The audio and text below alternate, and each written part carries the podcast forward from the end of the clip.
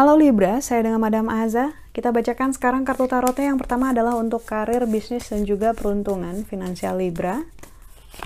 Kartu yang keluar pertama adalah Wheel of Fortune akan menunjukkan adanya perubahan hal-hal yang berubah. Kalau menurut saya sih perubahan ini dari dalam dirimu sendiri gitu. Hmm, kamu merasa bahwa sudah saatnya untuk kamu berubah.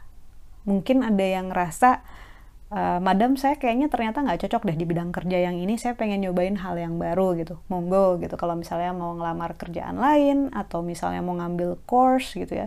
Kursus gitu workshop supaya skillnya nambah ataupun mau pindah bidang it's really okay nggak apa-apa banget gitu. Kalau di dalam dirimu ngerasa kamu perlu perkembangan kamu perlu perubahan gitu ya nggak ada yang salah dengan memperkaya dirimu dengan hal-hal yang baru gitu kalaupun kamu ngerasa it's time for me to change gitu. Tentu tentunya itu adalah hal yang part yang patut dirayakan, harus dikasih cheerleader gitu, disemangati gitu. Karena tentu saja kamu mencari atau mengupayakan hal yang paling baik buat diri kamu sendiri.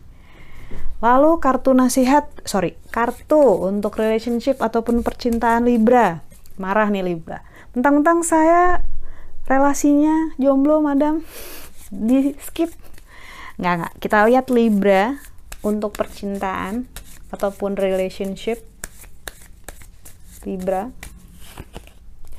kartu judgment makanya tuh mau di skip tadi kan ya nggak kartu judgment ini menunjukkan segala unsur api ada beberapa hal yang yang keluar ataupun yang terjadi yang kamu baru tahu mungkin ya yang ternyata nggak sesuai dengan harapan kamu ataupun anggapan kamu tapi harus diingat kadang-kadang uh, harus dibakar dulu, harus kehilangan dulu, harus berantakan dulu sebelum akhirnya bisa tumbuh segala sesuatu yang lebih subur, lebih indah, lebih menyenangkan. Intinya sih untuk sabar karena selalu ada hal yang bagus menunggu gitu ya. Meskipun harus melewati masa-masa yang tidak menyenangkan dulu.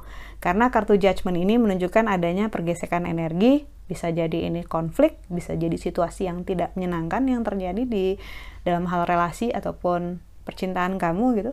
Namun setelah itu akan ada angin segar, akan ada hal yang bagus gitu ya.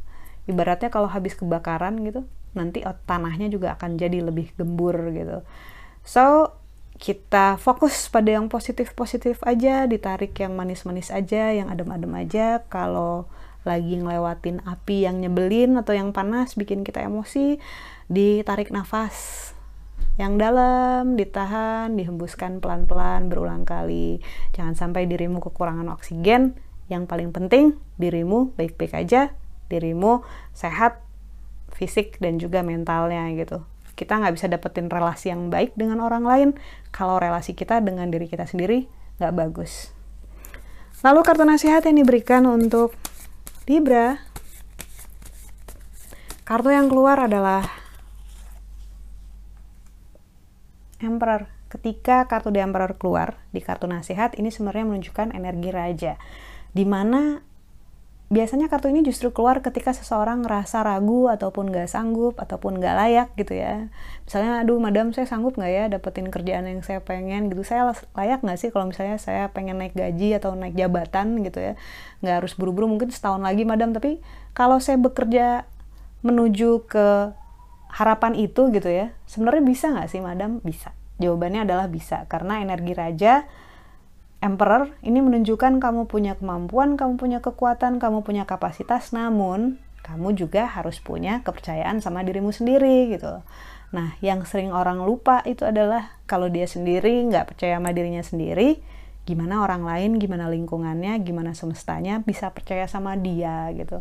Bahkan saat orang lain sudah support dia gitu memberikan dia kesempatan tapi dirinya selalu nganggap bahwa dirinya nggak sanggup itu ibaratnya kayak menyabotase diri sendiri dan juga kesuksesan di masa depan jangan melakukan itu ke dirimu sendiri jadilah orang yang bangga sama pencapaian diri sendiri kemudian berupaya lebih keras untuk dapetin hal yang lebih hal yang layak untuk kamu dapatkan Sekian bacaannya, semoga bermanfaat. Kita doakan hanya yang terbaik saja untukmu. Semoga sehat selalu, panjang umur, kaya raya, bahagia, berkelimpahan segala hal yang baik dari Tuhan Yang Maha Esa.